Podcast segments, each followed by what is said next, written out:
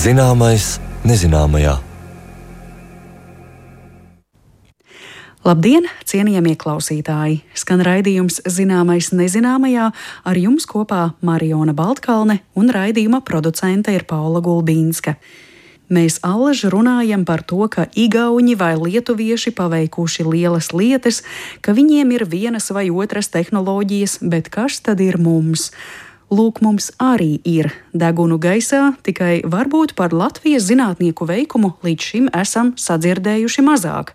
Bet mēs par to šodien izstāstīsim, un raidījuma otrajā daļā piedāvāsim sarunu ar Latvijas Universitātes Fizikas institūta vadošo pētnieku Artūru Brēķi. Artūrs un viņa kolēģi radījuši prototipu Space Trips. Tas ir jauna tipa elektrības ieguves paņēmiens, ko izmantot ekstremāli tālās kosmosa misijās, un šo latviešu veikumu augstu novērtē starptautiskie partneri. Starp citu, Latvijas zinātnieki jau desmit gadiem ir bijuši līderi specifiskās fizikas jomās, un pieminēto prototipu ļāvušas radīt tieši ilgā laika posmā uzkrātās zināšanas. Par to visu zināmais nezināmajā otrajā pusstundā. Savukārt pirms tam palūkosim, kādu iespaidu uz klimatu var atstāt enerģija no saules, proti, kā saules paneļi, kas lielos apjomos tiek izklāti vienu vietu, ietekmē gaisa temperatūru paneļu tuvumā. Par to Zaneslācis Baltāksnes saruna ar biedrības Zaļā brīvība atjaunīgās enerģijas politikas eksperti Kristu Pētersoni. Zināmais nezināmajā. Saules panelis ir tumšā krāsā, un tāpēc tas absorbē daudz vairāk siltuma nekā atstarojošās tūkstneša smiltis. Lai arī daļa enerģijas tiek pārvērsta elektrībā, liela daļa no tās joprojām uzsilda paneli. Un, ja vienlaidus sagrupēti miljoniem šādu paneļu uzsilst, tad kopā ar tiem uzsilst arī visa teritorija. Ja šie saules paneļi atrastos Sahāras tuksnesī, tad šis jaunais siltuma avots ietekmētu klimatu tādā mērā, ka nokrišņi no tropu zonas aizvirzītos tālāk un rezultātā tuksnesis kļūtu zaļāks. Tas ir citāts no raksta, ko tīmekļa vietnē The Conversation publicēja Lundas Universitātes un Ķīnas provinces Guandunas Universitātes geogrāfijas pētnieki par to, kā izmantojot datorprogrammu tika modelēta situācija, kā milzīgie saules paneļu parki pasaulē varētu izmainīt klimatu. Tātad jāņem vērā, ka tas ir tikai, kā paši pētnieki raksta, hipotētiski pieļaujams rezultāts, kas ir veidots ar datorsimulāciju, bet no otras puses, ja skatāmies uz to, ka lielākie saules paneļu parki pasaulē, kuru izmērs ir vairāki tūkstoši hektāru, tādi atrodas Indijā, Ķīnā, apvienotajos Arābu Emirātos, Meksikā, Ēģiptē, un kur ir izvietoti miljoniem saules paneļu, kuru tumšā virsma uzsilst no saules gaismas, tad, protams, rodas jautājums, kā šāds milzīgs siltuma avots ietekmē apkārtējo vidi. To vaicāju biedrības Zaļā brīvība atjaunīgās enerģijas politikas ekspertei Kristai Pētersonei. Pētījums, kas balstīts uz teorētisku modeli, es arī to izlasīju, man šķiet, ka tur ir vairākas interesantas atziņas. Bet kā sākumā tie paši pētnieki arī norāda, ka tas, ko viņi piedāvā, tas mērogs šīs pašas teiksim, infrastruktūras ir nu, tāds savā ziņā nereālistisks, jo tas viņu scenārijs, kur patiešām šī ietekme uz arī tādu klimata sistēmu tiek panākta, tas bija rēķināts, manuprāt, ja Sahāras tūkstnesis tiktu noklāts ar saules paneļiem 20, 10 vai 5% apmērā. Un tad pats Sahāras tūkstnesis, es saprotu, ir ap kādiem 9 miljoniem kvadrātkilometru, bet Latvija vien jau ir tikai mazāk par 65 tūkstošiem kvadrātkilometru. Tā kā tāda mēroga infrastruktūra, kādu šajā rakstā analizēja, patiešām nav kā teikt, iespējama tādā saskatāmā laika periodā. Bet tā ļoti būtiskā atziņa, kā jūs arī minējāt, bija tas, ka teiksim, līdz ar šo saules parku ietekmi tas varētu ietekmēt atmosfēras cirkulācijas procesus un ne tikai laikapstākļu vietējā mērogā, bet savā ziņā arī klimata sistēmu un analizējot šo zemes sistēmu modeli, radīt kādas izmaiņas arī citos reģionos. Bet atkal tās izmaiņas būtu ļoti nelielos procentos un kaut kur var varbūt kaut kur laiks varētu būt biežāk mākoņaināks, un tas varētu arī ietekmēt šo saules ģenerāciju. Citur varbūt atkal tā ietekme nebūtu. Un man šķiet, ka tas būtiskākais secinājums ir, ka šāda līmeņa infrastruktūra, energosistēmas pārkārtošana nav iespējama bez tādas pārnacionālas, varbūt sadarbības. Tāpēc gan tas izaicinājums ir tik vērienīgs, gan arī tās ietekmes ir tāds būtisks. Un mēs ar vienu dzīvojam pasaulē, kur ir tāda ļoti izteikta nevienlīdzība starp zemes resursu pieejamību, arī šo pašu saules, un arī vēju, un arī citu tehnoloģiju pieejamību, un arī varbūt to ekonomisko un arī tādu, varbūt citreiz pat tādu pārvaldības kapacitāti šos procesus vadīt un saskaņot ar arī citām sabiedrības un vidas aizsardzības interesēm. Nu, te jau ir runāts par liela mēroga modeļiem, bet es nezinu, vai jūs arī Latvijā esat mērījuši, nu, tīri pēc kaut kādiem fizikāliem aprēķiniem, ja ir šādi vairāki melni paneļi, kuri uzsūc to saules enerģiju, vai tur apkārt tā temperatūra kaut kā izmainās?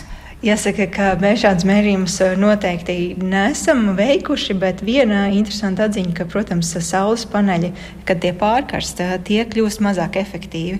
Jau arī, kad temperatūra pārsniedz 25 eh, grādus, tā kā savā ziņā, kad saules intensitāte ir lielāka un temperatūra zemāka, tas ir piemērotāk saules enerģijas ražošanai.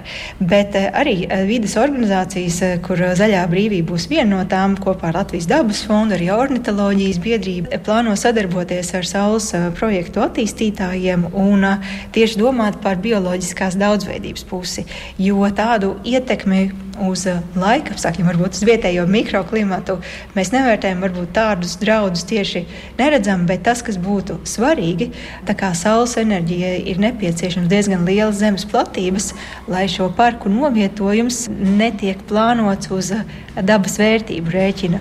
Un tad, kad tas arī teiksim, notiek, lai tās intereses, kas ir saistītas varbūt ar dabas daudzveidības uzlabošanu, arī ar dažādu dzīvnieku dzīves telpas aizsardzību, lai tās ir arvien būtiskas. Tāpēc man šķiet, ka tas lielākais varbūt izaicinājums ir saprast, kā tā jaunā atjaunīgās enerģijas infrastruktūra, kā tā var arī ne tikai nekaitēt, bet arī sniegt kādu labumu dzīvajai dabai. Bet jūs teicāt, jā, ka tā efektivitāte samazinās šiem paneļiem, ja temperatūra, gaisa temperatūra sasniedz vairāk kā 25 grādus. Un, ja mēs paskatāmies uz Indiju, Meksiku, Emirātu, kur šī gaisa temperatūra vidēji ir jau augstāka, kā šīm milzīgajām fermām saules. Jā, noteikti, bet man šķiet, ka katrā eh, šajā novietojumā ir dažādi eh, tie klimatiskie apstākļi. Protams, jo tur saules intensitāte kopumā ir daudz lielāka, arī varbūt daudz kopumā garāks tas saules spīdēšanas laiks, jo nav noēnojums ar mākoņiem. Un tā, un tā kā tas vienkārši būs eh, specifiski tādai klimatiskai zonai, kāda ir Latvija. Bet, Tas ir arī svarīgi, ka viss tas atjaunīgās enerģijas tāds nevis uzplaukums, bet progress, kas mums ir patiešām nepieciešams, ir arī ļoti balstīts tieši uz Ķīnas ekonomisko attīstību. Šī izaugsme notiek ļoti aktīvi Ķīnā, kur tiek uzstādīta lielākā daļa arī no jaunajiem saules paneļiem, un arī vēja enerģijām, un arī visā šajā globālajā ražošanas ķēdē Ķīna ir pārliecinoši lielākā loma. Tas ir gan labi, gan slikti. Labi tādā ziņā, ka, protams, dekarbonizācija, kā elektroenerģijas un arī citas enerģijas veidu, dekarbonizācija nozīmē uh, oglekļa emisiju samazināšanu, atsakoties no fosilās enerģijas izmantošanas. Tas ir ļoti būtiski, un Ķīnas ekonomika ir tāds atslēgas punkts, ja mēs domājam, kā mazināt klimata pārmaiņas.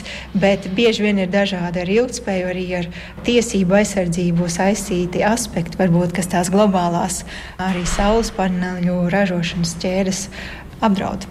Un, ja mēs tagad prognozējam, ka pēc kāda laika šie paneļi nolietosies, un ja mēs skatāmies uz noteiksim, kaut kādiem 160 kvadrātkilometriem, kur ir šie paneļi, miljonos salikti? Jā, tas noteikti ir svarīgs jautājums, par ko ar vien vairāk domā. Protams, saules paneļiem ir salīdzinoši ilgs dzīves laiks. Tie ir 20, 30 gadi plus un līdz pat 50. Bet Tomēr tās tehnoloģijas pārstrādes nav nepieejamas, tās eksistē, bet drīzāk lielāki šķēršļi ir kā tās iedarbināt vai kā to aprites ekonomiku patiešām savienot gan ar tām izmaksu, gan arī varbūt tādām nu, vietējām īpatnībām, kas katrā valstī eksistē. Pavagadas saules paneļu parks Indijā aizņem pāri par 5000 hektāru. Apvienotajos Arābu Emirātos Muhameda bin Rašida Almaktum saules parks stiepjas pāri par 7000 hektāru. Salīdzinājumā Latvijā Valmieras novadā Brenguļos saules parks aizņem 8,9 hektārus, un šobrīd lielākais parks tiek būvēts Latgalē Kalkūnas pagastā 16 hektāru lielā platībā un Krista Petersone turpina par Saules parku nākotni mūsu zemē. Sākot no 21. gada beigām Latvijā bija tāds eh, lielāks, teiksim, saules mikroģenerācijas bums. Tādas nelielākas iekārtas līdz 11 eh, apmēram, kilovatiem ir daudz jau uzstādīts, jau tas skaits tuvojas 20 tūkstošiem. Bet eh, no pagājušā gada, ja mēs skatītos arī tādu elektroenerģijas statistiku, mēs redzam jau, ka tas pienesums arī rodas no lielākām elektrostacijām. Un pakāpeniski arī elektrostacijas tiek atvērtas. Mēs esam redzējuši daudz ziņas par jau tādiem lielākiem saules parkiem, bet vēl ļoti daudz ir plānošanā. Bet vai mums būtu patiešām jābaidās, ka visa Latvija vai visa teritorija tiks aizbūvēta ar saules elektrostacijām? Noteikti nē, jo to ierobežo Nu, pirmkārt, jau jāsaka arī ekonomiskie faktori, kāda ir teiksim, šo pašu investīciju atmaksāšanās spēja un cik tāda investīcija lēmuma būtu pamatoti un arī vērtējam pret elektroenerģijas eh, cenu īsākā vai ilgākā termiņā. Bet vēl otra ļoti būtiska lieta, protams, ir dažādi teritorijas plānošanas aspekti, arī iedzīvotāju un dažādu citu iesaistīto pušu varbūt reakcijas un viedoklis par tādu attīstību, kam patiešām ir loma dažādos plānošanas procesos. Un tad tie ierobežošie faktori man šķiet savā ziņā jau to attīstību līdzsvaros.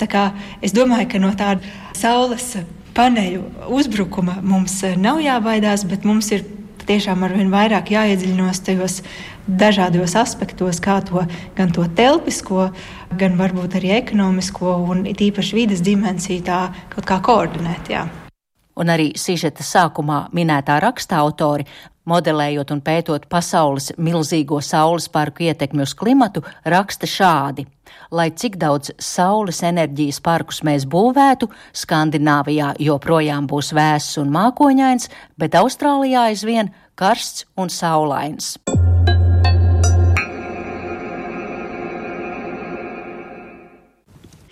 Tik tālu par milzīgajām saules fermām un to ietekmi uz vidi. Dzirdējāt kolēģis Zanes Lāces Baltāksnes sarunu ar Kristu Petersoni.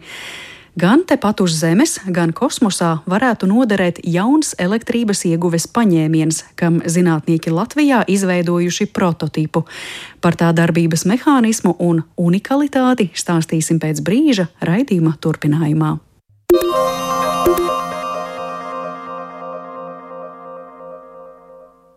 Pirmoreiz pasaulē demonstrēts jauna tipa elektrības ieguves paņēmiens, ko izmantot ekstremāli tālās kosmosa misijās.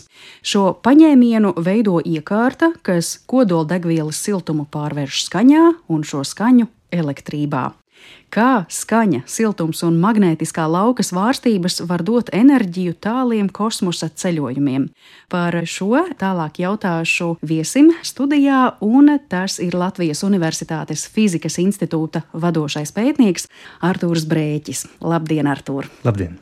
Prieks jūs sveikt zināmais nezināmajā studijā, kā cilvēku, kurš par šo tematu ir aizstāvējis doktora disertāciju Rīgas Tehniskajā universitātē un ikdienā vistiešākajā veidā ir saistīts ar šo unikālo veikumu, par kuru pat starptautiski partneri interesējas.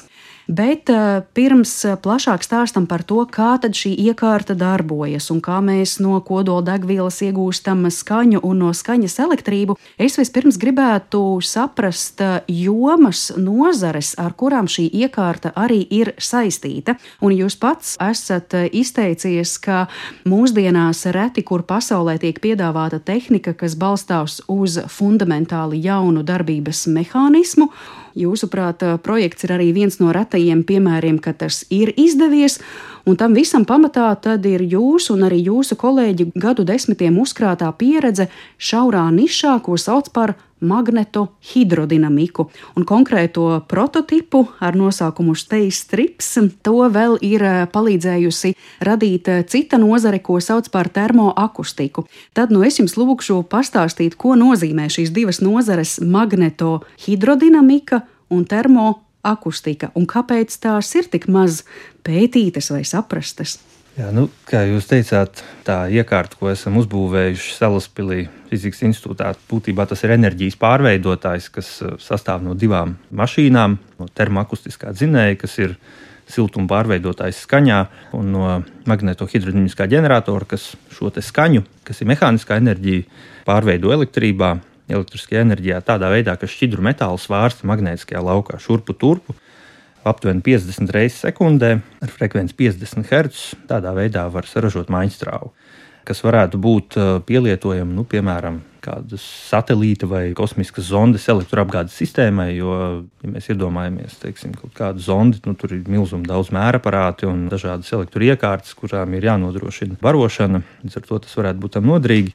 Tad uh, attiecībā par magnetohidrodinamiku mm -hmm. šo nozari jāsaprot vispār tā, ka ja elektrība var plūst pa vadiem, pa kabeļiem, pat pa cietiem vadiem. Nu, kāpēc tā nevarētu plūst arī pa šķidru metālu, arī pa šķidru vidi? Un, būtībā nu, tas arī ir pamats magnētiskajai hidrodinamikai. Tātad šķidras elektrovadošas mides, miedarbība ar magnētisko lauku. Tā ir nozara, kurā mēs specializējamies institūtā. Un te pavisam noteikti nebūs melots, ka mēs esam teiktu, vienīgais institūts pasaulē, kurš ekskluzīvi specializējas tikai un vienīgi vienā nozarē. Ļoti, ļoti šaurā fizikas nišā, kas ir magnētiskā hidrodinamika. Tā vēsturiski ir iegājies. Un, uh, Te jāsaka tā, ka tā ir mūsu stiprā puse. Es bieži esmu dzirdējis arī, ka runā, teiksim, ka Igauniem ir Skype un IT, tad Lietuviešiem tur ir Maxima un citi varbūt zīmoli. Ja? Kas ir mums latviešiem, kur mēs esam nu, līderi? Tad man ir atbilde tam, ka viena no šīm jomām ir magnētiskā hidrodinamika, kur patiešām ir izveidojusies izcila, ļoti augsta līmeņa skola, zinātniskā skola kurā mūs atpazīst visā pasaulē. Tas arī ir bijis pamats tam, kāpēc šādu projektu mēs varējām realizēt. Protams, ka starptautiska sadarbība bija visa tā pamatā. Es tagad braucot uz radio, tagad trolēļbusā braucot, lasīju Latvijas Universitātes rektora kandidātes Signes Bāliņas interviju. Tur bija vārdi, kā viņa teica, tie laiki, kad kaut ko tu ļoti šaurā nišā pēti, tikai viens pats, ja, nu, tie principā ir pagājuši. Ka viss tagad, kas rodas kaut kas jaunais, tas rodas tikai savstarpējas sadarbības rezultātā un tikai sadarbojoties, ja, kur vairākas jomas sajiet kopā. Tas ir tieši tas, kas notika Salaspīlī mums, sadarbojoties termoakustikas speciālistiem kas ir vēl šaurāka nozare, zināmā Jā. mērā par magnētisko hidrodinamiku, ja, kur apvienojās siltuma fizika ar skaņas fiziku. Tie ir pārveidotāji, kas strādā uz šādu principu, uz termoakustiskā principa. Tur arī ir savi cilvēki pasaulē, kas tajā strādā. Un, savukārt mēs, šķidra metāla speciālisti, magnetohidromiķi, sastrādājoties ar viņiem, mums izdevās šādu darbības principu realizēt un parādīt.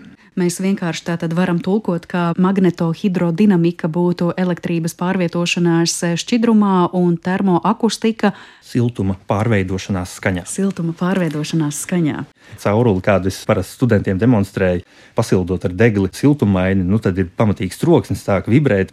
Varbūt jūs varat paraksturot, kādi ir tie ikdienas darba apstākļi strādājot ar šīm eh, specifiskajām jomām, cik lielā mērā jums ir jāievēro kādi darba drošības apstākļi, austiņas jāliek. Jā, patiešām runājot par detaļām un darbības niansēm vispār tā iekārtai, kā ir strādāt šādā laboratorijā. Un tā skaitā, kā bija to visu būvēt un eksperimentēt, arī par to būtu jārunā. Jāsaka tā, tas bija unikāls smalkmeistaru darbs, paaugstināts sarežģītības eksperiments. Tur ir izmantot reti, grūti apstrādājami, dažās vietās vispār sastopami nopērkami materiāli, lai to visu uzbūvētu. Es tagad no tehniskā viedokļa runāju. Ja, tā. Piemērs tam mazas 2 cm garas skrūvītes, karstuma izturīgas skrūves, kas iztur vairāk kā 800 grādu temperatūru, ņemot vērā tās iekārtas darbības apstākļus. Tur ir milzīgi spiedieni, ļoti liels temperatūras, ļoti īsā attālumā, 800 grādu, apmēram 2 cm attālumā. Nu, tie darbības apstākļi ir diezgan iespaidīgi. Nu, tā ir arī metinātāju darba virsotne un kalngals. Tiešām tas bija ļoti liels izaicinājums to uzbūvēt. Kā jūs vispār nonācāt pie idejas kaut ko tādu radīt? Labi, ir skaidrs, mēs jau runājam par šīm nozarēm, kur jūs esat gadu laikā uzkrājuši pieredzi, bet kā to visu salikt eh, kopā, lai nonāktu pie idejas, ka mēs tagad varētu radīt iekārtu, lai radītu elektrību kosmosā? Te ir jāsaka tā, zinātniskās sadarbības, kā es esmu sapratis arī un kā es esmu redzējis, strādājot, nu, viņas neveidojas vienas dienas laikā vai mēnešu laikā. Tas mm. ir vairāku gadu garumā. Tas ir tāpat kā draudzība ar draugiem. Tev ir jākopja draudzīgas attiecības. Un tas, kā ir izveidojusies sadarbība šeit, nu, tur bija gan Itālijas, gan Nīderlandes, gan Vācijas zinātnieki. Katram bija sava loma.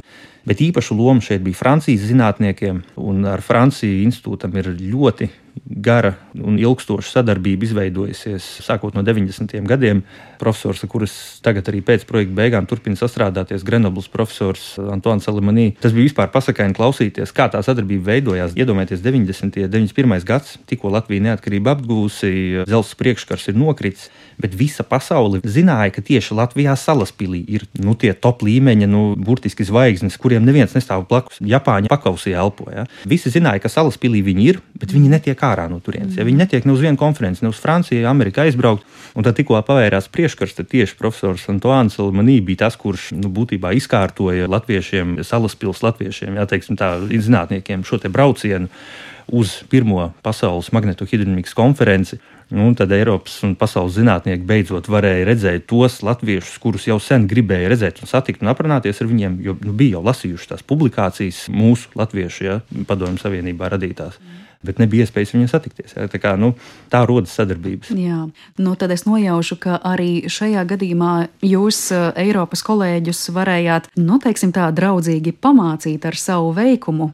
Bet tad runājot par pašu galveno šīs dienas varoni, jauna tipa elektrības ieguves paņēmienu, tātad esat radījuši prototipu ar nosaukumu Space Trips un prototyps sastāv no divām mašīnām. Tad eh, būtu vērtīgi paskatīties eh, uz abām šī prototypa sastāvdaļām. Vispirms par termoakustisko dzinēju. Kodoldegvielas siltums pārtop skaņā, bet eh, kas tiek ņemta par kodoldegvielu? Kā tā pārtop skaņā?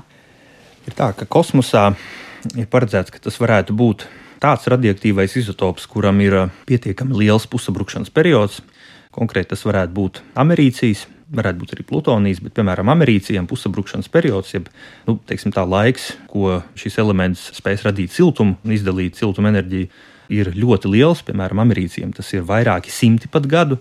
Ja, līdz ar to, ja mēs runājam par tādu tipu misiju, ilgstošu, ekstremāli ilgstošu un tālu kosmosa misiju, kur nebūs iespējama cilvēka klātbūtne, kur nebūs iespējams nomainīt kaut kādu detaļu, nu, tad uh, ir nepieciešams šāds primārais enerģijas avots, kas ļoti ilgi spēs nodrošināt šo siltumu. Tas varētu būt americijas.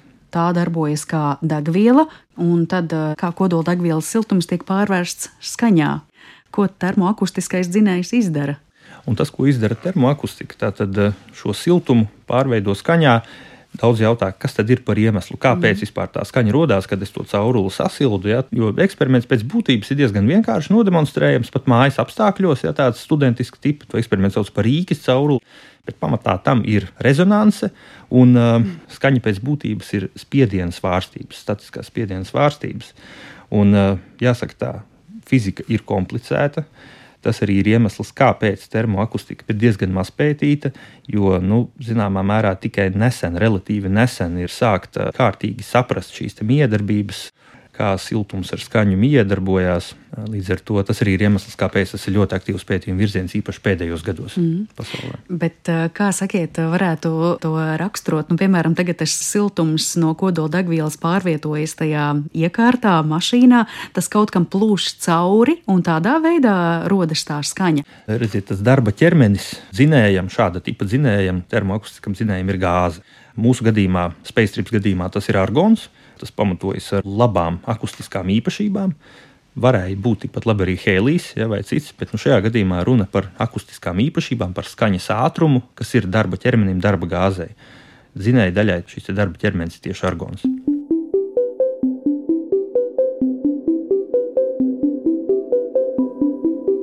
Šeit neliels paskaidrojums. Termoakustiskajā dzinējā patiešām nepieciešama gan kodoldegviela, piemēram, americijas, gan gāze, proti, nu pat pieminētais argons.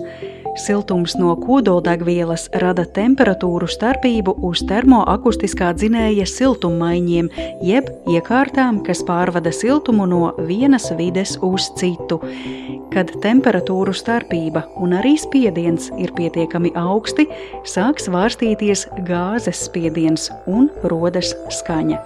Varam to pat iztēloties aptuveni tā kodoldegvielas un gāzes tvertnes dzīvojas viena otrai blakus, un vienā brīdī degvielas siltums rada impulsu, teju iespēr gāzei, un tā rada skaņu. Sava veida domino efekts un ar pētnieka pieminēto vārdu salikumu darba ķermenis inženieri sarunvalodā parasti sauc elementu, kas kustas.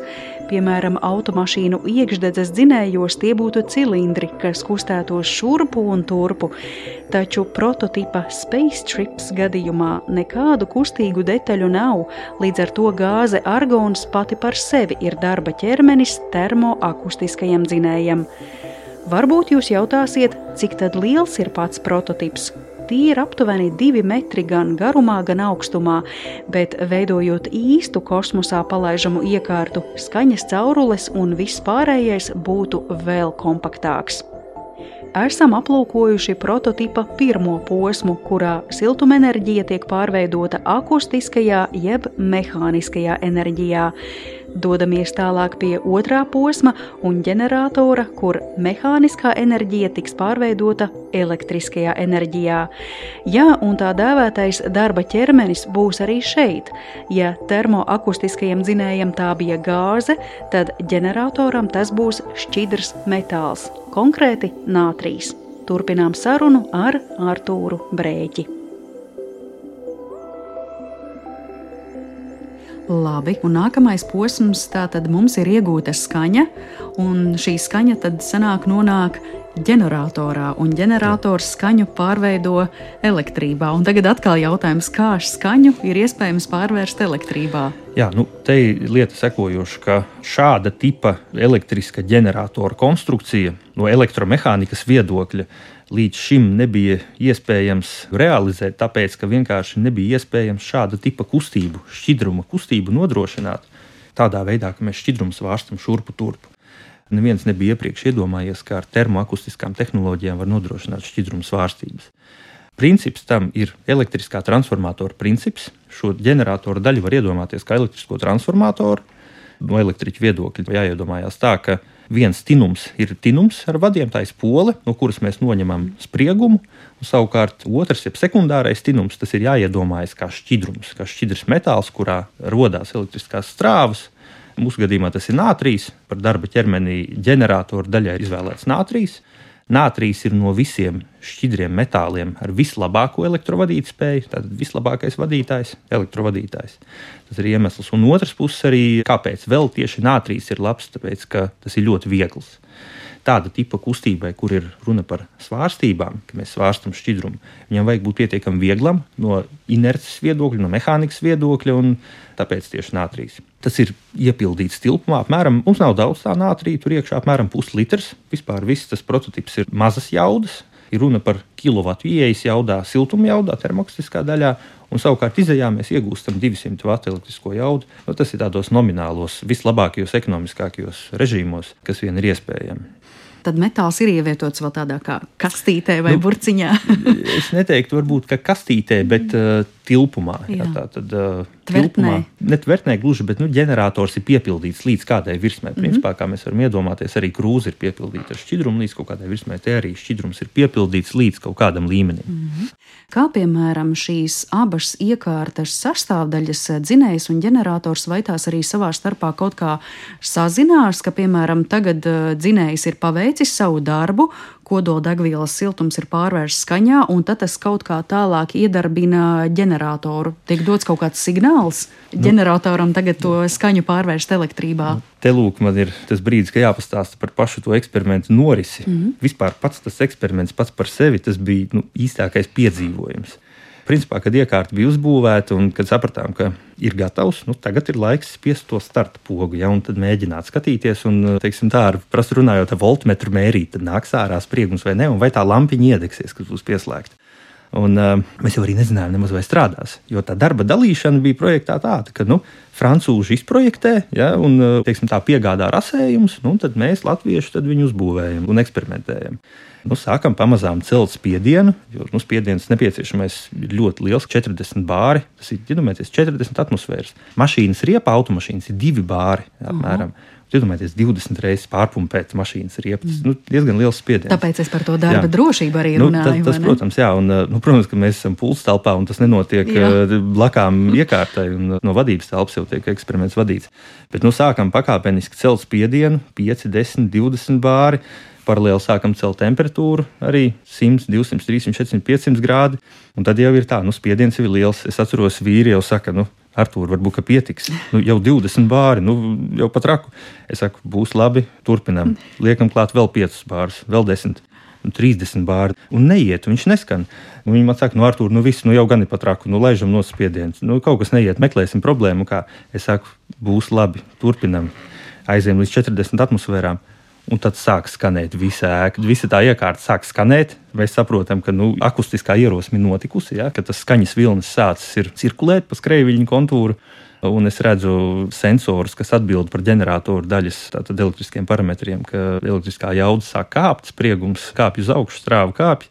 Un, nu, tad bija tā, ko sauc laikam, par eurēkas sajūtu, ja, ko tiešām novēlu piedzīvot ikvienam pētniekam, jo Nu, manuprāt, eh, reti, kad zinātnē izdodas veikt tādu eksperimentu, kur ir tā sajūta, kā Oppenheimeram tajā filmā, kas bija nesen, ja, kur nu, pēc tā sprādziena, kad viņš saka, nu, laikam nostrādāja.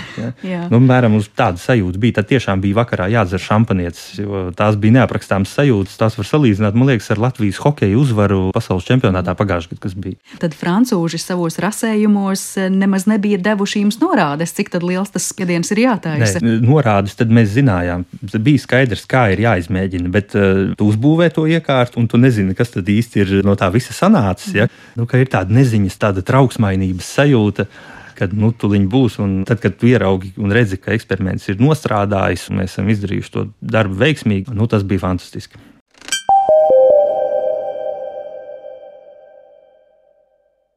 Un tagad neliela audiāla demonstrācija tam, kāda skaņa veidojas pēc degvielas sasilšanas. Šī ir skaņa, ko pētnieks radījis laboratorijas apstākļos caurulē, tāpēc americīskā degviela šeit izmantots nav, bet efektu iespējams panākt ar gāzes baloniņu un degli. Tātad materiāls caurulē tiek sildīts, un kādā brīdī parādās skaņa. Siltuma padevēja izbeidzoties, palēnām izdziest arī skaņa. Tad atkal sildīšanas process un atkal skaņa. Klausāmies!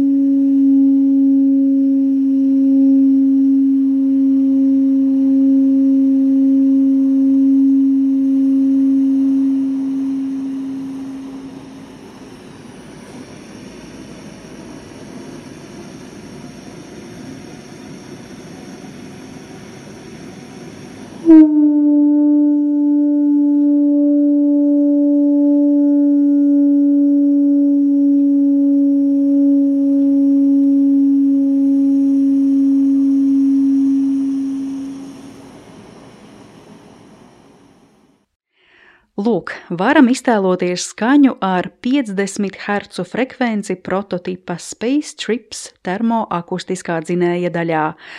Un atkal mēs varētu pieminēt domino efektu. Termoakustiskais dzinējs ar degvielas sasilšanu un skaņas radīšanu ir paveicis savu darbu, un tas kustina šķidro metālu ģeneratorā. Šķidra metāla kustība pārvērš skaņu elektriskajā enerģijā.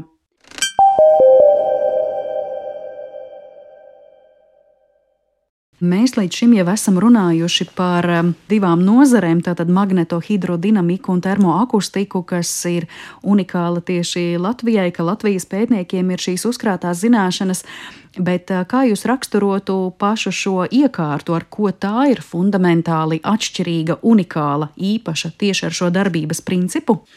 Jā, šeit tā galvenā būtiskākā priekšrocība, un es teiktu, ka tas ir zināmā mērā arī tā burvība magnetohidrodinamikai ir tā, ka šeit nav nekādu mehāniski kustīgu, dilstošu detaļu, kas būtu jāmaina. Vienīgais, kas kustās, ir šķidrs metāls. Skaņa savukārt izdara visu darbu, un nav nekādas detaļas, kas būtu kaut kad jāmaina un jāremontē. No tāda viedokļa, kā tas būtu, piemēram, ja tas būtu kaut kāds, nu, es teiktu, varbūt stirlinga dzinējs vai iekšdedzes dzinējs, vai ir kur ir, kur ir dzinējs? mehāniski kustīgas detaļas. Tā saucamie stirlinga, jeb ārdedzes dzinēji, kāpēc to arī pieminēju, šāda tipa dzinēji ir kaut kādā mērā radniecīgi termoakustiskajām mašīnām. Tomēr vēlreiz jāuzsver, šeit ir būtiska atšķirība, ka termoakustiskajām mašīnām nav nekādu kustīgu detaļu. Šeit gāze un skaņa izdara visu darbu, atšķirībā no stirlinga, kur tomēr ir virzulis, cilindrs, ja, kam ir gredzeni un kas nu, agri vai vēl nodils. Mm -hmm. Un kosmosā tas ir īpaši svarīgi, jo īpaši tādās misijās. Nu, re, līdz ar to esam nonākuši pie jautājuma par šādas iekārtas praktisko pielietojumu. Šobrīd esat radījuši tādu kā sagatavi, prototipu, bet eh, kur tad to potenciāli varētu izmantot? Tas eh, pamatpielietojums, projektējot prototipu, tomēr ir bijis kosmos, bet neskatoties uz to, runa tomēr ir par elektrisku ģeneratoru, jā, tātad uh, enerģijas pārveidotāju. Un, man nav nekādu šaubu, ka ar laiku šāda tipa tehnoloģijai atradīsies pielietojums arī citās nozarēs, vietās uz Zemes. Tie varētu būt enerģētikas pielietojumi vietās, kur ir nepieciešama droša elektroapgāde ar augstu darba drošumu. Tie varētu būt apgabali, kuros elektrifikācija ir vāja attīstīta, ja? vai tie varētu būt kaut kādi Āfrikas lauku ciemati, vai arī vienkārši kaut kāda nostūra apgabala planētas, kuri nav pieslēgti energosistēmai kuros siltumu būtu jāiegūst no kaut kādiem siltuma avotiem. Ja? Jo vienīgais, kas ir vajadzīgs, ir siltums. Lai iekārta strādātu, vienīgais ir siltums. Ja mēs varētu siltuma enerģiju iegūt no saules, nevis ar tiem fotovoltāžas paneļiem. Nav runa par to, ja? bet runa par siltuma savākšanas kolektoriem, ja? kas saules siltumu savāc. Tās ir bijušas retākas tehnoloģijas. Un šo savākto saules siltumu varētu aizvadīt uz termoakustiskā dzinēja vajadzīgajām vietām, vajadzīgiem siltummaiņiem un tādā veidā ražot enerģiju. Un kosmosā, kā jūs minējāt iepriekš, tā būtu americija, kodoldegviela. Labi, bet ja vēl pagaidām tā doma vismaz tuvākajā nākotnē būtu šo iekārtu lietot kosmosā, tad uh, tas nāktu talkā satelītiem, kosmosa stacijām iegūt elektrību, kur tieši? Jāsaka tā, ka kosmosā pielietojumi būtu daudz. Mm -hmm. ja? Tie varētu būt uh, gan alternatīvas Marsa roveriem un tam līdzīgām iekārtām, gan arī zondēm un uh, satelītiem. Nu, par zondēm, piemēram, te varētu minēt, uh, šī varētu būt kā potenciāla alternatīva tā saucamajai Voyager zondei. Mēs zinām, Voyager, piemēram, 50 gadus viņš lido kosmosā, NASA palaists, ja man liekas, 70. gados, ja nemaldos, viņa palaida un joprojām strādā. Bet tā elektroapgāde, kas ir Voyagerā, strādā uz radioaktīvo izotopu termoelektriskiem ģeneratoriem. Termoelektriskie ģeneratori tas ir tādas iekārtas, kur ir masīvs no termopāriem. Kas ir termopārs? Nu, tas ir principā tas, kas ir iekšā termometrā, mūsdienīgā, bet nevis seno laiku, dzīvesudraba, mm -hmm. veco laiku, bet mūsdienīgajos elektroniskajos termometros. Tur ir termopārs, mēs ieliekam padusē, sasildām, un tur ir pārveidotājs, protams, bet tur ir principā divi elementi no dažādiem materiāliem savienot kopā, un ja to savienojam vietu sildu, nāk ārā elektroenerģija. Bet šāda tipa elektrības iegūšana ir ļoti, ļoti mazefektīva. Termoelektriskie elementi ir ļoti mazefektīvs iekārtas, tur bieži vien pāris procentu liederības koeficients. Spēcības gadījumā tas ir krietni augstāks. Kas jums būtu vajadzīgs, lai šo iekārtu jau varētu reāli izmantot kosmosā. Es līdz šim esmu sarunā vairāk kārt pieminējusi, ka tas ir prototyps, tāda kā sagatave, bet noteikti jebkuram pētniekam tas lielais mērķis jau ir arī virzīties soli tālāk, vai ir vēl kaut kas, kas pietrūkst, kādi šķēršļi, kas jums jāatrisina, lai nu, to space trips arī laistu kosmosa ceļojumā.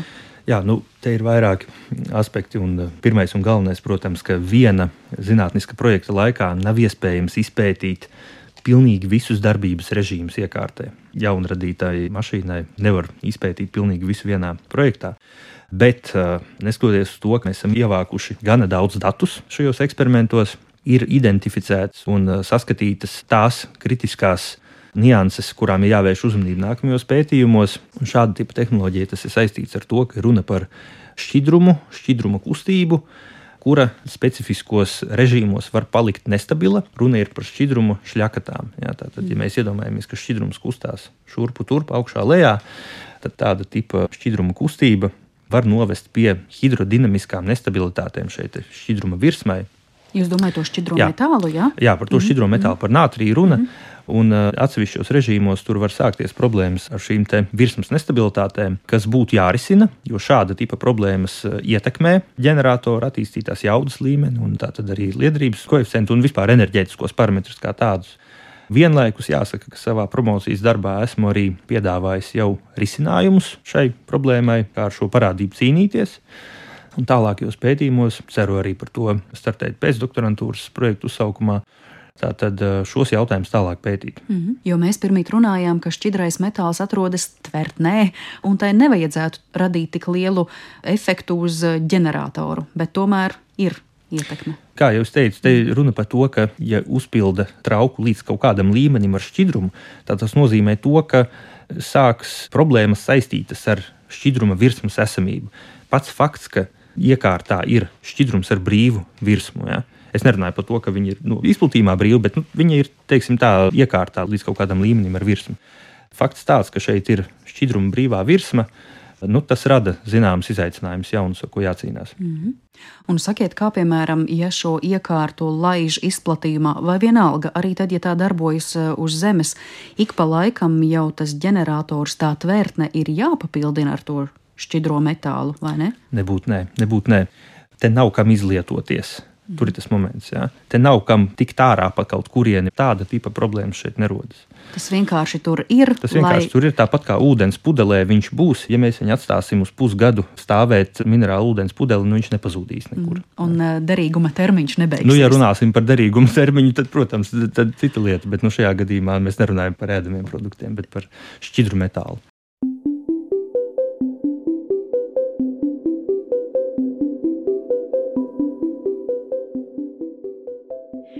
Un, ja arī jums, tāpat kā man, ienāca prātā jautājums, bet vai tad kodoldegvielas krājumi arī nevar beigties, un vai tāpēc iekārta no kosmosa nebūtu jāsūta atpakaļ uz Zemes, lai to ar degvielu papildinātu, tad te der atcerēties Artūra Brēķa sākotnēji minēto par americija kā radioaktīvā izotopa milzīgo pusabrukšanas laiku.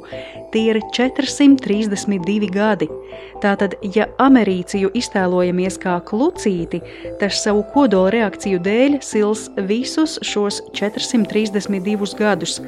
Tas arī izskaidro to, ka ekstremāli tālās un ilgās kosmosa misijās tiek apsvērti tikai šādi materiāli, Šīs misijas pamatā ir vienvirziena, pieņemot to, ka nomainīt radioaktīvos elementus uz jauniem zondēs vai citos objektos vairs nebūs iespējams, jo šie objekti jau būs pārāk tālu aizlidojuši. Un arī gāze, vēl viens mūsu sarunas elements, neizlietosies. Tā visu laiku būs iekšā noslēgtā tilpumā. Varētu arī teikt, ka šādās misijās sūtītās zondes un roveri neviens sniegs datus pētniekiem uz Zemes, bet arī ļaus noskaidrot, cik maksimāli tālu no Zemes cilvēka būvēta iekārta ir spējīga aizlidot.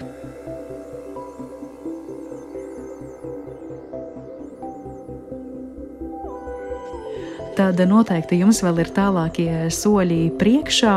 Un, tuvojoties mūsu sarunas noslēgumam, es gribētu vēlreiz jautāt par šīm jūsu starptautiskajām sadarbībām, ko jūs jau iezīmējāt mūsu sarunas sākumā, bet eh, jūsu iekārta ir ieinteresējusi arī Eiropas eh, kosmosa aģentūru. Kādi ir varbūt viņu tālākie plāni aizņemties šo jūsu ideju, vai kopā ar viņiem jums ir tālāk plānots to attīstīt?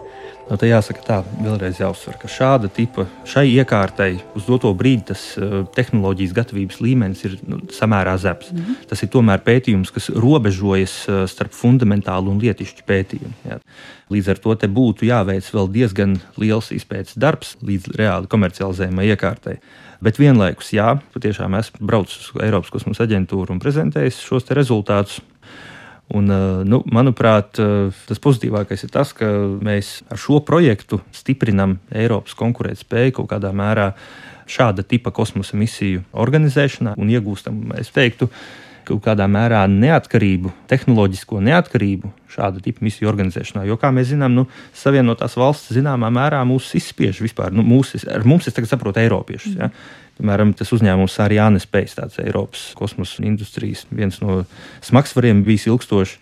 Viņš nodarbojās ar satelītu komerciālu palaišanu. Ja, tātad, bet nu, tas, kas pēdējos gados notiek, nu, tas SpaceX un amerikāņi nu, pamazām izspiež no tirgus. Es uzskatu, ka mums ir jāstrādā pretī un jācīkstās pretī, lai arī Eiropas kosmosa nozare būtu konkurētspējīga. Mm -hmm. nu, tad kāds nākamais solis? Ņemsiet uh, savus piedāvātos risinājumus, ko jau doktora disertācijā iekļāvāt, taps jauns projekts un prototyps tiks attīstīts tālāk?